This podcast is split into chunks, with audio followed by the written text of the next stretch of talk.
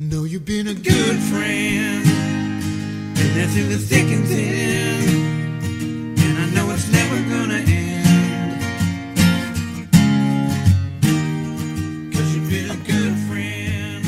Hi guys, so back again with our educative and lifestyle podcast. Di sini edisi di rumah aja bareng Little A Queen. So in this podcast, we will talk about a lot of things from career, family, lifestyle, and other interesting stuffs. So this podcast will help you to broaden our perspective, gain new insights, and of course challenging ourselves to make a change because in this podcast, every word counts. So, uh, mungkin sebelum kita mulai, aku akan review sedikit mengenai episode-episode sebelumnya. Jadi, um, podcast ini sudah diadakan mungkin ada sekitar sebulan ini ya, selama pod, uh, selama masa-masa COVID ini. And in previous episodes, kita udah sharing beberapa topik, mulai dari entrepreneurship, and then masalah mindfulness dengan Kak Pening Lara dari mindfulness.id, how content creator influencing from home, and latest one bersama saya dan partner saya Teresa tentang uh, latar belakang hashtag kita every word counts. So buat yang mungkin kelewatan episode-episode sebelumnya, you can listen to the podcast uh, in our Spotify channel, Google Podcasts, or Apple Podcasts. So, oke, okay, nggak lama-lama. About today, nggak kalah menarik sama episode-episode sebelumnya. Kita bakal membahas mengenai art and craft. So, narasumber kita adalah Kak Gevita dari Pretty Happy Papery dan kita akan membahas tentang crafting with limited resources. Bagaimana sih kita bisa tetap berkarya di tengah segala kekacauan, keterbatasan yang ada selama COVID ini. So, yuk mungkin kita bisa sambut Kak David. Kak Gevitanya mana ya ini ya? Sebentar. Hai, halo, Widak Nine. Oh, Seniawati, halo. Ada Jessie Andini juga, ada Teresa. Oke, okay. ini Berarti Hyperpery kita join. Let's go live.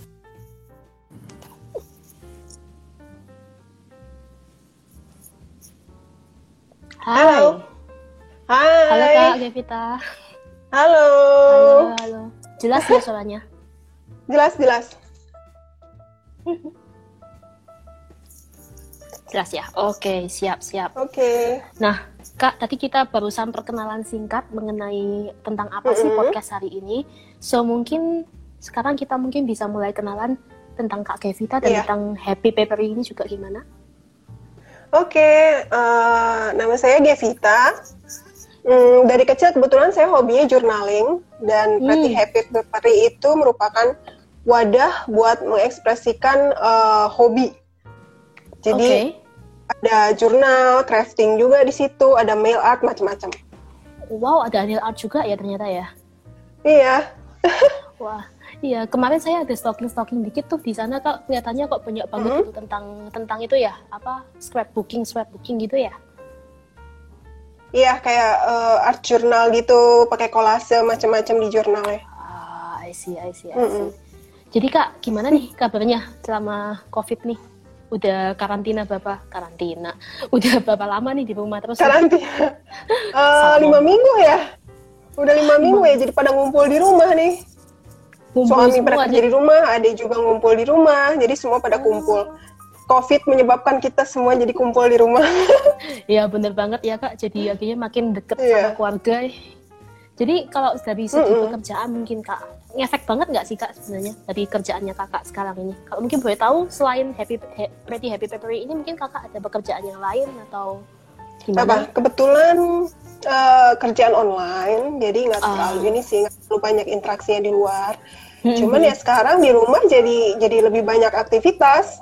Selain daily activity-nya ngurusin keluarga, pastinya juga uh, waktu untuk berkreativitas kan lebih banyak buat ngejurnal yeah, lebih yeah. banyak, terus bisa bikin uh, kreasi macam-macam sampai bikin video jurnal juga bisa. Wow. Karena waktunya video juga jurnal. Tutorial gitu. Iya. Iya, nanti diupload di YouTube. Wah, siap-siap bakal ditonton nih.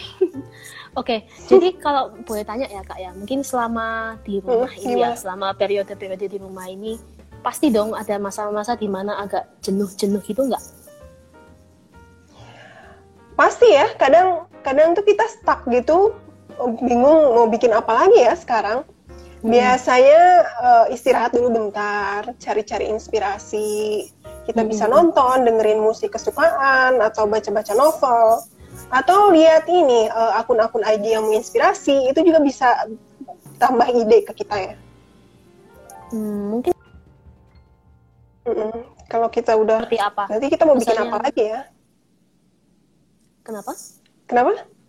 Nggak mungkin kalau ada inspirasi-inspirasi gitu bisa di share nggak ya? Mungkin kayak account apa atau tipikalnya yang seperti apa? Kan sometimes kan orang juga bingung kan misalnya kayak nyari uh, keywordnya misalnya di Instagram atau mungkin di mana mengenai cari inspo gitu. Biasanya kakaknya kalau misalnya nyari inspirasi gitu gimana ya? Bisa dicari hashtag journaling, journaling, Uh-huh. art journal, atau uh, gabung di komunitasnya. Kebetulan saya ikutan ini komunitas Planner Edik Indonesia. Ah, nah iya, itu ya Planner Edik Indonesia itu komunitas yang memang seneng ngejurnal dan itu macam-macam stylenya. Ada yang ada yang lebih ke cute, ada yang model bullet journal, ada yang model vintage. Itu macam-macam Oke, nanti oke. tergantung seleranya. Kalau pengen nyoba journaling seperti apa, bisa lihat-lihat di sana. See. Kalau kakak mungkin stylenya lebih ke mana nih kak? Kalau misalnya kak masalah crafting crafting gini. lebih ke vintage ya, vintage, Vintage minimalis, ya. tones warnanya tuh sekitar coklat lah, coklat, beige, putih. I see, I see. Iya. Oke deh, kalau gitu kita jump in to the topik hari ini ya. Topik hari ini kan kita mungkin lihat Oke. bukunya di sini tentang ini ya kak. Um, Iya. How to keep creating, how to keep crafting with limited resources. Nah sebelumnya aku mau tanya dulu deh kak. Selama masa-masa covid gini, biasanya kalau setahu saya ya, kalau scrapbook itu kan butuh banyak material ya. Misalnya kayak sourcing kertas lah, terus kadang aksesorisnya kecil-kecil ya kak. Itu ngalamin kesusahan Mm-mm. nggak kak nyarinya selama ini, selama di covid covid ini? Selama situasi seperti ini pasti ada ya. Eh, kita jadi terbatas material yang biasanya beli mungkin nanti ada perubahan harga bisa lebih mahal. Dan buat supplier, misal karena kita juga kan jualan buat barang-barang Hmm. buat jurnal. Supplier I ini kan biasanya ngambil dari luar. Nah, Hmm. dari luar ini karena kurs dolarnya naik dan Pos Indonesia sendiri membatasi karena ada negara-negara yang di lockdown dan itu otomatis kan kita nggak bisa kirim-kirim barang ke sana dan beli barang dari sana. Betul. Nah itu eh, kita harus mengoptimalkan gimana nih caranya buat antisipasinya. Kita berusaha untuk pakai apa yang ada di sekitar kita yang bisa digunakan, yang kira-kira cocok itu bisa kita pakai. Dari Hmm. dari mulai kertas-kertas bekas, kertas-kertas kemasan, kayak kita habis order barang, terus dikemas sama pembungkusnya. Biasanya kan ada yang Mhm. lucu-lucu tuh, itu Iya, bisa iya. dipakai. Terus kayak majalah-majalah, itu bisa dipakai gambar-gambarnya yang unik, itu bisa Oh, dipotong, bisa. dipakai buat kolase. Heeh. Terus kayak kertas-kertas vintage, buku-buku lama Hmm. tuh, itu bisa dipakai juga buat kolasenya yang warna-warna coklat dan diusahakan warnanya eh, satu tema misalkan eh, gradasi coklat kita bikin Hmm. kayak gitu jadi biar tampilannya lebih menarik I see, I see. Nah, Mm-mm. selama ini Kak, selama di COVID-COVID ini ya, kan tadi kan Hmm. uh,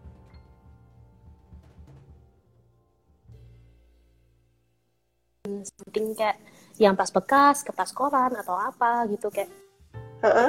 iya apakah Gimana? udah pernah udah pernah mencoba berkreasi dengan dengan barang-barang yang limited ini? Lah di rumah ada apa aja gitu. pernah bahkan sampai ini kadang eh, bunga-bunga kering yang ada di halaman yang di pekarangan Hmm. itu kita bisa pakai buat hias Oh juga bunga-bunga bisa ya kering Kak ya? terus bisa terus kayak lilin nih bekas lilin yang lelehannya Oh ya? Nah itu lelehan lilinnya itu kita bisa bikin wax paper, wax paper. Oh. Jadi nanti hasilnya itu eh, papernya itu jadi lebih lebih kayak transparan, lebih unik sih nanti jenis kertasnya teksturnya lebih lebih unik dan itu bisa dipakai buat layering. Itu sebenarnya bisa kalau kita eh, kreatif kita bisa pakai Mm-mm. hal-hal yang ada di sekitar rumah itu bisa dipakai seunik mungkin, sekreatif mungkin, dipakai buat ngejurnal. I see, I see. Wah, menarik tuh Kak Mm-mm. yang wax paper itu baru tahu saya. Iya, iya. Kebetulan Pakai bikin wax paper dari ini, itu dari Itu gimana? Jadi kayak Jadi, dilapisin gitu. eh, iya, kan itu lilihan lilin itu kadang nggak beraturan ya, yang udah tumpah-tumpah itu udah kering. Betul. Nah, terus kita potong kecil-kecil, dihancurin, Oh, terus ditabur di kertas yang mau kita bikin wax paper. Nah, ditaburkan di situ, terus ditutup pakai eh, kertas minyak atau kertas roti. Ditutup, terus pakai hot gun itu dipanaskan. Jadi kan nanti iya. eh, lilinnya mencair tuh meleleh. Nah, Hmm. semua menyerap di kertas yang kita mau bikin wax paper. Udah Oh, menyerap, I see. dibiarkan sampai kering. Nah, itu udah jadi tuh. Wih, gampang juga ya ternyata ya Itu bikinnya menarik ya. Iya. Iya, tapi Menarik, perlu menarik. pakai hot gun ya, pakai hair dryer. Karena Hair kurang dryer juga panas kalau pakai kan? hair dryer. Kurang Ah, panas. I see, I see. Harus Hot pakai gun hot ya? gun biar panas. Wah, hot gun nih bahaya nih agak. Nggak biasa kacau. Iya. Harus hati-hati karena panas banget itu. Pakai ya. Hmm, I see, I see, I see, I see. Ya, saya Seru sih kebetulan kalau udah suka. Iya sih. Saya soalnya kebetulan juga demen journaling kan. Jadi kenapa eh, Iya. mungkin kayak mungkin teman-teman di sini kalau yang udah biasa dengerin podcast kita, biasanya yang bawain kan Mm-mm. partner saya Teresa. Iya. Kebetulan hari ini saya bawain karena memang saya memang lebih ke arah kreatifnya kan. Soalnya basicnya saya desainer Mm-mm. juga gitu loh. Dan saya memang Oke. ada ada suka journaling juga and dulu waktu zaman SMA awal-awal kuliah juga suka scrapbooking gitu.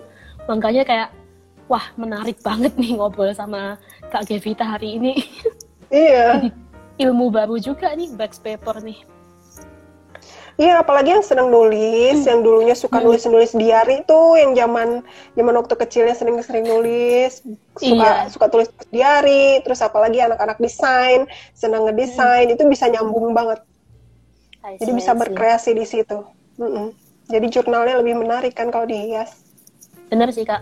Tapi kak, kalau misalnya Iya. ini, ini ada pertanyaan. Kenapa memilih Hmm? jenis journaling yang seperti ini? Bukankah ini takes a lot of time?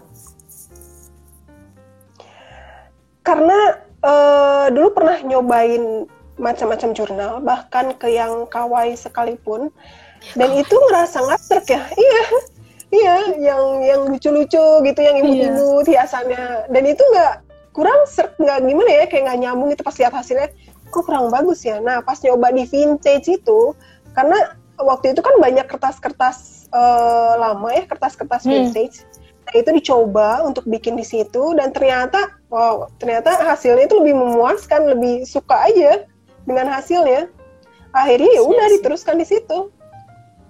Sampai sekarang. Jadi lebih ke preference ya sebenarnya ya. Lebih kayak memang Iya. aduh feel-nya di sana nih gitu kan ya. Heeh, feel kitanya di mana, kita punya eh, kesukaannya di situ ya kita diterusin di situ. Jadi memang harus awalnya for starter memang harus coba-coba dulu ya kak ya. Jadi supaya kita tahu yang Coba mana dulu. stylenya gitu. Trial dan error dulu nanti baru baru tahu oh ternyata kita sukanya di sini nih, enjoynya di sini. Coba aja dulu. Ya, ya. Karena kalau nggak dicoba Oke. kita nggak tahu ngelihat orang lain. Jadi eh, kita harus nyoba, jangan ngikutin. Mungkin lihat teman-teman yang lain, oh kok ini bisa bagus-bagus kayak gini sih. Cobain aja dulu. Yes, yes. Nanti cocoknya di mana. Nah itu guys, boleh didengerin tuh guys. Jadi harus dicoba dulu guys, jangan menyerah di tengah-tengah Iya. ya. Tiba-tiba Iya. udah nyoba ini, wah gua nggak bisa bikin langsung berhenti. Gitu kan biasanya Heeh. habitnya gitu tuh. Oke. Coba nah, dulu. mungkin mm, coba dulu. Nah mungkin gini kak, kalau misalnya ya untuk pemula ya orang-orang yang baru starting tadi ini, Iya. ada tips nggak? Biasanya harusnya startnya gimana dulu kak? Paling basic gimana sih kalau untuk crafting ini? eh jurnal atau craftingnya nih? Kalau ngejurnal itu, hmm, Hmm, Jurnalnya dulu kali ya, Sebenarnya, jurnal dulu baru iya. craftingnya. jurnal itu sebenarnya kalau ada notebook sama pen aja itu udah bisa nulis. Jurnal kan kita bisa nulis tentang eh, aktivitas kita, apa yang kita harapkan, atau misalkan kita mau bikin eh, grateful journal, kita mengucap syukur apa apa aja nih hari ini, kita bisa Mhm. tulis di situ. Dengan sebenarnya dengan pen aja, kalau kita jago gambar itu bisa dihias. atau kita bisa bikin kolom-kolom itu semenarik mungkin jadinya jadi bullet journal itu juga udah bagus dari hal yang sederhana. Jadi nggak usah nggak usah yang ribet-ribet harus pakai apa pakai stiker atau apa. Itu bisa. Yang penting Jadi- mulai aja dulu. Ya mulai aja dulu ya. Jadi mungkin Hmm. kalau kita simpulin mungkin estetik itu lebih ke belakang ya. Nanti kalau memang su- kamu sudah expert baru estetik itu juga bisa bisa muncul gitu kan ya kak ya? Iya. Jadi tuangkan aja ide-ide pikirannya, tulis di situ. Nanti nanti akan muncul dengan sendirinya kok. Oh, kayaknya kelihatan menarik nih kalau di dihias seperti ini, digambar seperti ini, ditulis seperti ini. Nanti akan muncul sendiri. muncul stylenya pribadi gimana kayak tadi mungkin Hmm. kakak vintage Iya. gitu ya kak ya Heeh. I see I see I see Hmm. Nah, kalau mungkin material-material awal, untuk ini kita bahas tentang crafting dulu ya kak ya. Jadi mungkin kalau Hmm. starting material lah, mungkin kayak starting kitnya untuk crafting ini, apa aja sih kak? Mungkin kayak ada harus paper yang ini atau gunting ini kayak atau lem yang apa? Mungkin ada eh, skrip saran-saran aja ke untuk ba- barang apa sih, merek apa sih yang mungkin oke untuk dipakai? Oh gitu. Eh, yang lebih banyak sering dipakai sih kertas ya, kertas-kertas vintage itu dari buku-buku lama yang warnanya udah kecoklatan itu oke banget buat kolase atau buat backgroundnya nanti itu bisa dipakai buat di jurnal atau buat kalau yang senang eh, pen pals yang buat sahabat pena itu juga bisa dihias buat mail art juga dan buat packaging juga itu bagus banget bisa ditempel di situ. Nah Terus kalau udah gitu lemnya pakai yang double tape karena kadang kalau lem basah itu kan nanti tembus ya kertasnya jadi Iya. basah terus kadang jadi jadi apa ya si kertasnya tuh jadi agak kusut gitu kalau keringnya jadi bagus pakai double tape jadi lemnya lebih rapi keriting-keriting gitu ya jadinya. hmm, benar jadi pakai double tape itu lebih rapi bagus terus kalau misalkan mau nyoba bisa pakai stiker stiker-stiker atau washi tape kayak gitu Washi tape ya. Mm-mm. Nah kak, kalau misalnya untuk washi tape gini, lebih Hmm. prefer yang gimana kak? Biasanya kan washi tape ada banyak macam ya, ada yang polos, ada yang ada patternnya, yang minimalis yang minimalis ya. Minimalis dan satu warnanya warna earth tone gitu, yang warna-warna hangat, warna-warna pastel itu lebih. Lebih lebih bakal sering Bagus. kepake ya, yang kayak gitu-gitu ya. I see, I see. Kalau Iya. untuk tu- toolsnya Dengan warna-warna biasanya polos dulu. Gimana? ya warna polos. Kalau untuk toolsnya mungkin kak, tools misalnya kayak gunting atau apa, ada ada yang khusus nggak? Gunting cutter yang biasa aja.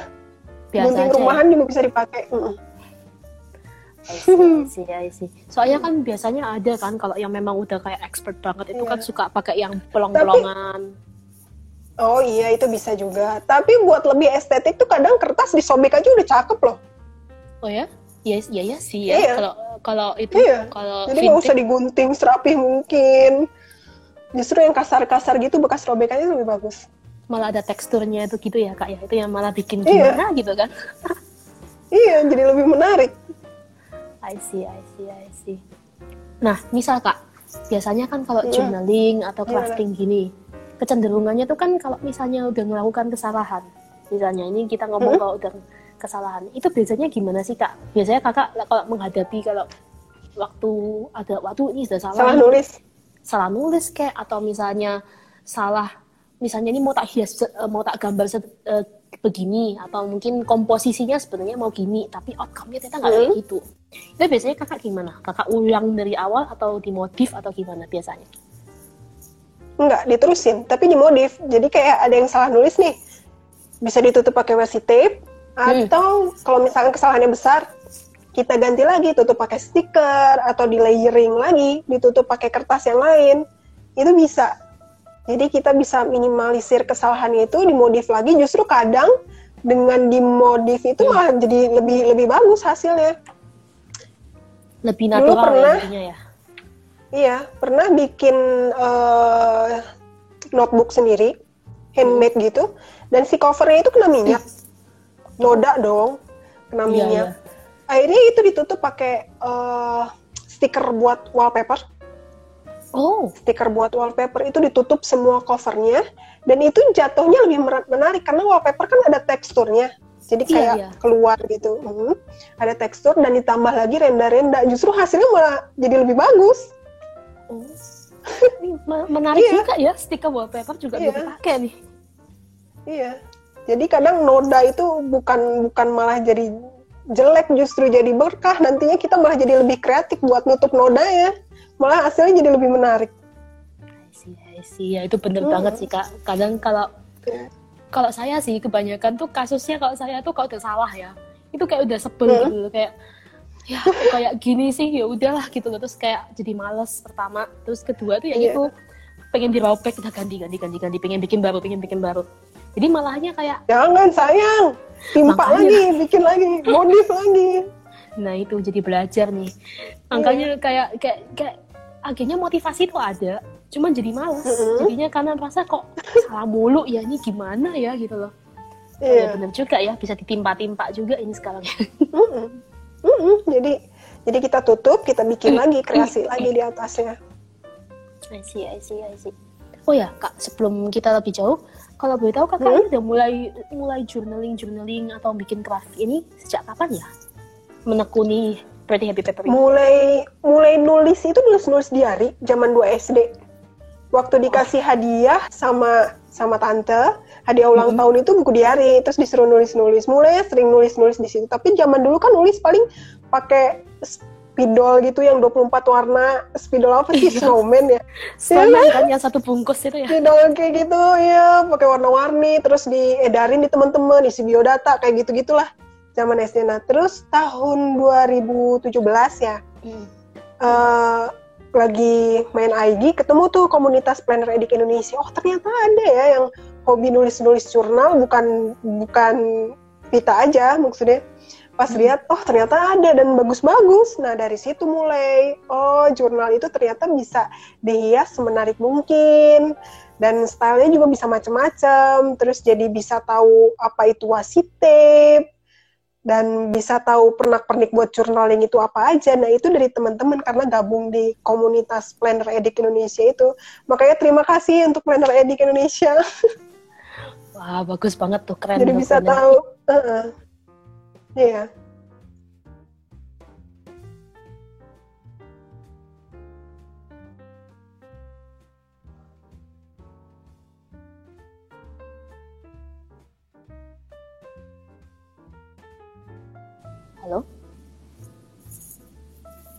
Mm. Kak, denger ya? Sinyalnya agak ini ya. Iya, agak sinyalnya kok agak patah-patah ini. Iya. Mm-mm. Udah jelas? Gimana?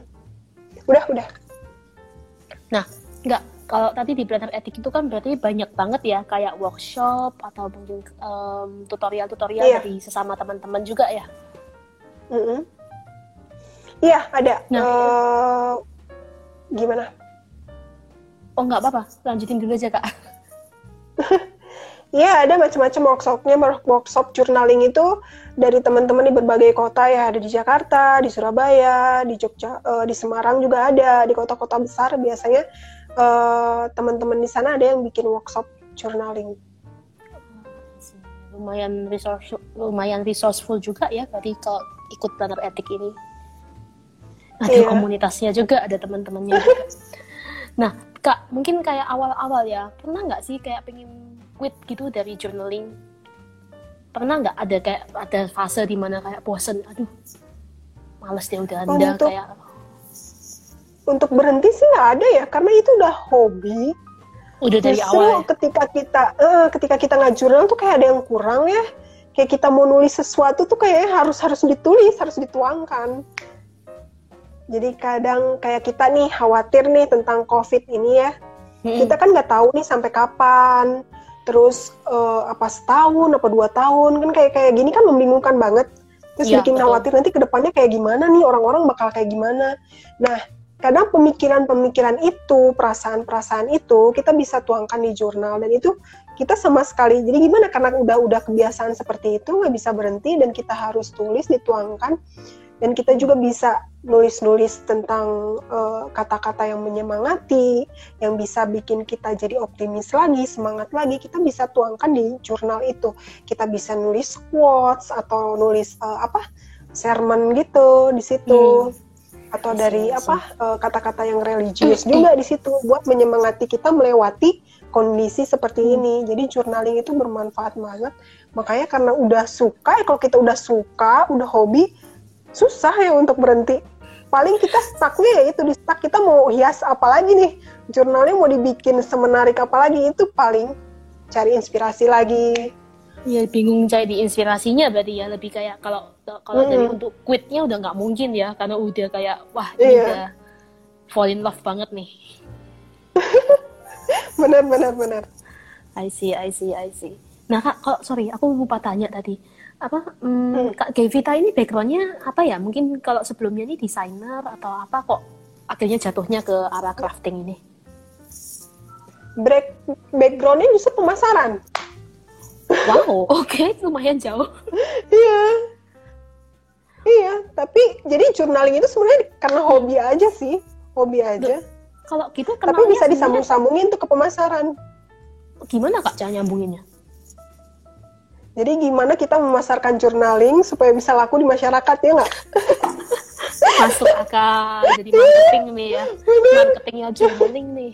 Hebat banget nih. Benar-benar. Masuk, masuk, masuk, masuk. Terus apa lagi tadi? tadi mau nanya apa? Lupa. Oh enggak, aku di bingung aja berarti dari pemasaran ke journaling. Tapi kan ini kakak udah jawab ya kenal journaling ini sejak kelas 2 SD kan ya udah mulai Hmm. nulis diary Iya. and everything itu. Tapi akhirnya memutuskan untuk masuk lebih deep lagi itu karena karena ya memang karena rasa passion ini atau gimana kak? Kenapa kok nggak mau kayak apa ya? Oh ya udahlah cuma sekedar biasa aja tulis-tulis. Mungkin apakah ada dampak psikologis yang mungkin kakak rasakan selama melakukan crafting ini atau journaling ini? Hmm. Karena pertama itu kan suka dan kedua karena bertemu dengan teman-teman itu yang bisa satu ide, yang bisa satu hobi dan kita bisa mengembangkan journaling ini gimana sih supaya journaling ini bisa berdampak positif ke teman-teman yang lainnya. Karena kan kita sedang eh, senang meet up sama-sama teman-teman yang jurnal. Jadi kalau kita meet up itu kita pasti sharing macam-macam kan dari Hmm. journaling itu sendiri, terus apa manfaatnya ke kita. Sejauh ini sih eh, positif ya dampaknya ke kita. Karena kita jadi bisa lebih fokus ke depannya. Karena ngejurnal juga kan kadang kita nulis-nulis tentang harapan kita ke depan, eh, goals-goals kita ke depan. Dan itu bukan bukan ngomongin untuk pribadi kita aja, tapi buat Hmm. teman-teman yang lain juga. Dan itu juga kan eh, akhirnya nanti kita pengen bikin apa nih buat ke depannya apa Iya, mau iya, ngenalin journaling lebih jauh lagi ke teman-teman yang lain atau mau bikin apa kadang ada aksi sosial juga di teman-teman planner adik Indonesia macam-macam Hmm. I see, I see. Nah, kalau selama COVID ini kak, kan ini kan kita nggak Hmm. bisa ngumpul, nggak bisa kayak physically Iya. ya udah ketemu. Ada nggak ngadain kayak kelas-kelas online atau apa gitu supaya kayak saling support lah selama masa-masa ini. Jadi mungkin kayak collab online, misalnya journaling bersama online gitu. Pernah ada ngadain nggak? journaling online udah tapi Udah kelas ada. online belum Belum ya? journaling online udah I see, I see. dan itu bisa lama journaling online Oh ya, berapa biasanya berapa lama tuh kak durasinya?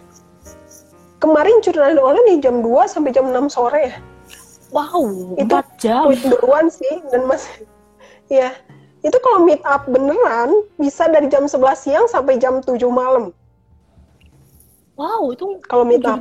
apa aja tuh kak? Kayak ya itu jurnal nyoba-nyoba ngebahas gitu. segala macam terus kita bawa barang-barang buat jurnalingnya masing-masing bawa terus kita coba semua Wah, luar biasa ya. Dari jam 11 sampai jam 7 ya, guys. mungkin karena udah hobi dan suka ya jadi Jadi lupa kita waktu tuh ya? nggak nggak- jadi nggak kenal waktu kan karena udah terlalu betah di situ jadi lupa Wow, bener banget sih itu tapi memang kalau memang udah mulai Hmm. apa ya? Kalau memang udah seneng banget tuh kayak waktu tuh nggak kerasa ya, cepet gitu rasanya. iya iya Wow, wow, wow. dan dengan teman-teman yang yang sama-sama gitu yang sama-sama punya hobi yang sama eh, kesukaannya juga sama Hmm. jadi kan kayak lebih seru kan Iya, iya, bener banget tuh kak.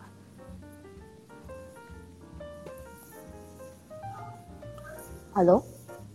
Iya? Oke.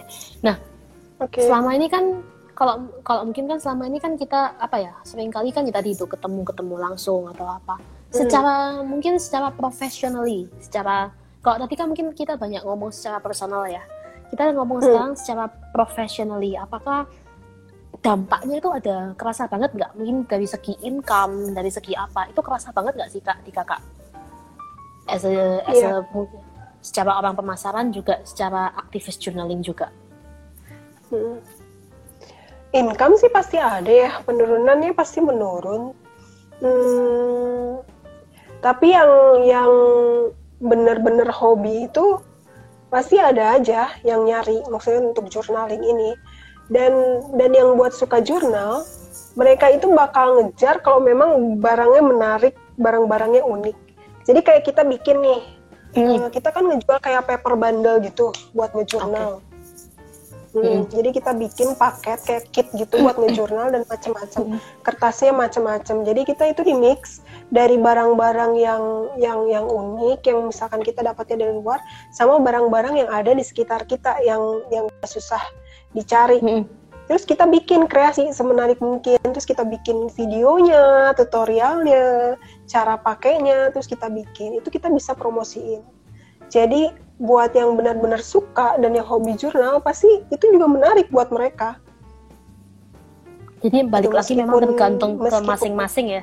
Ya, Mm-mm. karena kan sekarang teman-teman mungkin banyak yang ada di rumah ya. Mereka pasti eh, ngisi waktu, ngisi waktu. Apalagi yang hobi jurnal ini pasti banyak waktu banget buat tulis jurnal, buat bikin kreativitas, buat crafting. Nah itu, jadi jadi sih memberi harapan sih ke teman-teman yang lain. Maksudnya eh, dengan kreativitas itu kita bisa bisa pertamanya mengisi waktu dan yang keduanya juga bisa memberikan pendapatan I see, I see, dari kreativitas kita. Iya sih, bener banget ya. Kalau passion Hmm. memang bener-bener passion dan kita bener-bener fokus ya, itu memang bisa. Iya. Mungkin awalnya kayak orang nggak peduli, tapi lama-lama orang akan mengerti gitu loh seberapa besarnya cinta kita kepada passion kita itu ya kan. Iya. Dan itu pentingnya bergabung di komunitas itu eh, kita bisa menemukan pasar yang tepat. Karena kalau kita ngejualin tentang ke jurnal, tapi dijualnya ke tempat yang seneng kulineran, itu nggak mungkin nggak bakalan nyambung. Iya, bener banget. Jadi, eh, jadi penting sebuah komunitas itu itu untuk mengikatnya, untuk memberikan market yang tepat. Jadi orang-orang juga bisa kenal. Apalagi buat teman-teman yang satu style ya, yang satu tipe, yang satu hobi, satu kesamaan itu, Hmm. kita bisa kenal teman-teman itu. Terus kita bisa menjalin relasi di situ, berteman sebanyak-banyaknya, bukan hanya di Indonesia aja, tapi bisa di luar. Itu kan memperluas market kita ya. Iya. Jadi bukan di Indonesia, tapi di luar juga. Oke. Nah, Benar. jadi Happy Pepper ini juga sudah kayak mungkin ada kayak follower atau peserta dari luar juga yang pernah mungkin kontak kakak atau gimana? Ada, karena eh, Pretty Happy Peppery kan seneng bikin mail art juga ya. Jadi punya pen pals, pen pals Hmm. juga di luar negeri. Akhirnya menjalinlah itu relasi dari dari 2017 itu sedikit demi sedikit. Sekarang eh, udah lumayan banyak dan di situ juga kita bisa punya market juga buat mereka. Jadi bukan hanya di dalam tapi di luar. Luar biasa, luar biasa banget nih gila. Bisa sampai keluar juga. Orang-orang juga apa ya? Kalau di luar mungkin kayak udah Iya. banyak banget ya. Saya juga kayak beberapa kali lihat tuh kok lumayan-lumayan juga yang di luar itu. Kayak mereka sangat interest gitu dalam hal journaling ini. Ini ada komen nih Iya. dari jurnal Tawon. Yang nggak jualan juga jadi jualan karena banyak yang request. Iya, bisa bisa. Wah, luar biasa. Memang ya kalau sudah cinta itu beda memang dedikasinya ada ini. Iya. I see, I see, I see.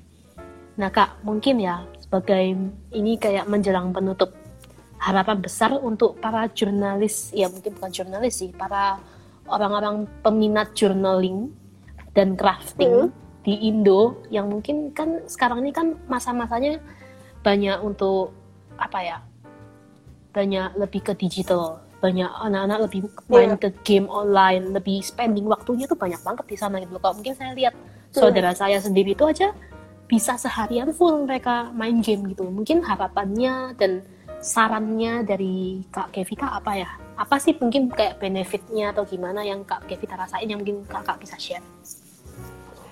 Iya, dengan perkembangan internet saat ini, media saat ini juga nggak bisa dipungkiri ya, karena hal itu juga memudahkan kita untuk eh, memiliki akses keluar, terus untuk memodif eh, desain-desain kita. Tapi satu lagi analog itu, karena jurnal ini kan lebih ke analog ya, kita nulis sendiri, kertas kertas dengan yang kertas-kertas real gitu, dan itu ada ada kepuasan tersendiri karena dengan analog kan kita bisa merasakan langsung. Kertasnya itu teksturnya kita bisa rasa terus apalagi yang suka eh, kertas itu bisa dilihat secara langsung terus kita juga bisa memberikan penghargaan karena ada beberapa teman juga yang berkreasi dengan membuat handmade paper. Jadi dibuat di recycle ulang. Jadi kayak kertas-kertas yang udah nggak kepake tuh di recycle lagi dikreasikan sedemikian rupa sehingga cantik-cantik ada yang dipakai daun-daun segala macam. Nah itu juga bagus dan dan jadi eh, lebih lebih apa ya lebih terpuaskan dengan analog ini dengan journaling secara langsung tapi kita juga bisa eh, dikombinasikan dengan eh, kecanggihan internet saat ini teknologi saat ini. Jadi itu kan bisa didokumentasikan. Jadi kita bisa Iya. posting di media sosial atau kita bisa bikin tutorialnya di YouTube. Dan itu saya rasa lebih menarik ya buat buat orang-orang lain tahu oh ternyata ada journaling seperti ini ternyata kertas juga bisa dikreasikan macam-macam dan kita bisa bikin misalnya kita bisa notebook bikin notebook dari handmade paper atau yang lain-lainnya. Terus kita bisa nulis jurnal dengan hiasan-hiasan seperti ini dengan bunga-bunga kering seperti ini. Karena kalau kita bis- bikin desain sendiri model-model eh, jurnal aplikasi kayak gitu itu kan tinggal tempel-tempelin ininya ya stiker-stikernya terus di dihias di jurnalnya Mm-mm. kayaknya kurang ya tantangannya mendingan bikin secara analog iya kurang tertantang kecuali gitu ya kecuali kalau kita nulis jurnal itu kita tulis inti-intinya terus nanti kita pindahin kalau kita mau bikin di jurnal analog I see, I see, I see. Memang ya, sensasinya tuh beda ya. Kalau memang kita benar-benar megang barangnya, kita Beda memang benar-benar, iya beda banget kan. Apalagi kalau mungkin yang saya rasa itu lebih ke ba- baca ya. Saya kan memang hobi baca dan hobi nulis juga, gitu, suka kaligrafi. Itu kayak beda banget sejak punya iPad sama nulis beneran di kertas. Itu kayak feel-nya tuh ada sesuatu accomplishment gitu. Waktu kayak denger bunyi kertasnya waktu ditulisin waktu megang kertasnya waktu balik buku itu kayak aduh beda banget. Iya iya iya. Ada sensasi tersendiri. Betul banget kak. Betul banget. Nah kak ini ada pertanyaan dari Teresa pada saya. Mungkin Hmm, ada boleh. saran ya untuk Little Ace Queen? Kita kan juga eh, segmennya juga Iya. di journaling ya. Lebih ke Mm-mm. mindful journaling. Dan kita juga ada produk kita. Mungkin kayak ada pesan dan saran buat kita sebagai em, salah satu apa ya brand yang mempromosikan journaling juga Sejauh ini sih udah bagus ya stylenya, menarik dan itu eh, Little Ice Queen kan produknya itu juga minimalis ya dalamnya Iya, dan itu juga bagus, desainnya juga menarik. Jadi nanti bisa dikreasikan macam-macam tuh dalamnya, bisa dikembangkan. Kayak gitu. Mungkin lebih ke template-nya gitu ya kak ya lebih variatif gitu ya Iya, template-nya. Mm-mm. Justru yang kalau isinya lebih minimalis sih lebih bagus ya. Jadi lebih gampang biar teman-teman nanti, mm-mm, biar teman-teman nanti yang berkreasi di dalamnya. I see I see oke noted karena saya yang bantu desain Iya. nanti oke nah kak mungkin kalau dari Pretty Happy Peppery dalam waktu dekat apakah ada event-event yang mungkin mau dipromosikan sekalian di sini jadi supaya teman-teman di sini juga tahu semua karena sekarang sedang stay at home, jadi kita masih dipikirin ke depannya mau bikin apa uh, kreativitas apa nih karena sejauh ini kan workshop-workshop ditunda dulu yang Iya. berhubungan dengan orang-orang di luar. Jadi paling video tutorial sih sekarang lagi digarap ya. Jadi digarap ya? banyak-banyak bikin video di YouTube. Hmm. Wah, ini kapan nih kak? Mungkin kalau ada hint-hint gitu, kapan nih kalau, kalau lebih bisa, udah udah bisa Atau, ditonton di atau YouTube? kapan nih kita bisa collab kapan-kapan ya? Ayo, ayo, boleh nih kak kalau bisa collab sama Iya. Little Ace Queen. Kita juga seneng Bisa, banget kalau bisa. ada- Nanti kita bikin jurnal di situ, pakai yang Little Ace Queen juga bisa. Boleh banget Bikin kak. videonya. We are open for any collaboration. Iya. I see. Oke iya, guys. paling bikin video itu. Jadi ditunggu ya guys. Pretty Happy Papery bakal munculin YouTube tutorial about journaling or crafting. With? Jadi stay tune. Stay tune guys, dipantengin terus itu IG-nya. Oke. Oke, oke. Ya, mungkin sekian buat hari ini. Thank you banget Kak Kevita buat bantuannya Sama-sama buat udah invite buat ngobrol-ngobrol barengnya.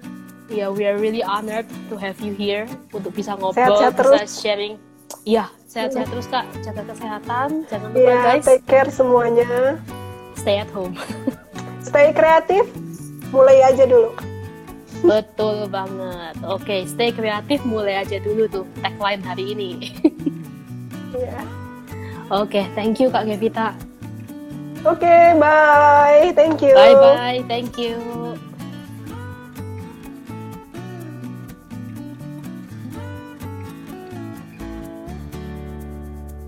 Oke guys, begitu sekian sesi pada hari ini. Thank you for Kak Kevita sekali lagi dan for Breathy Happy Papery to join us today in our podcast.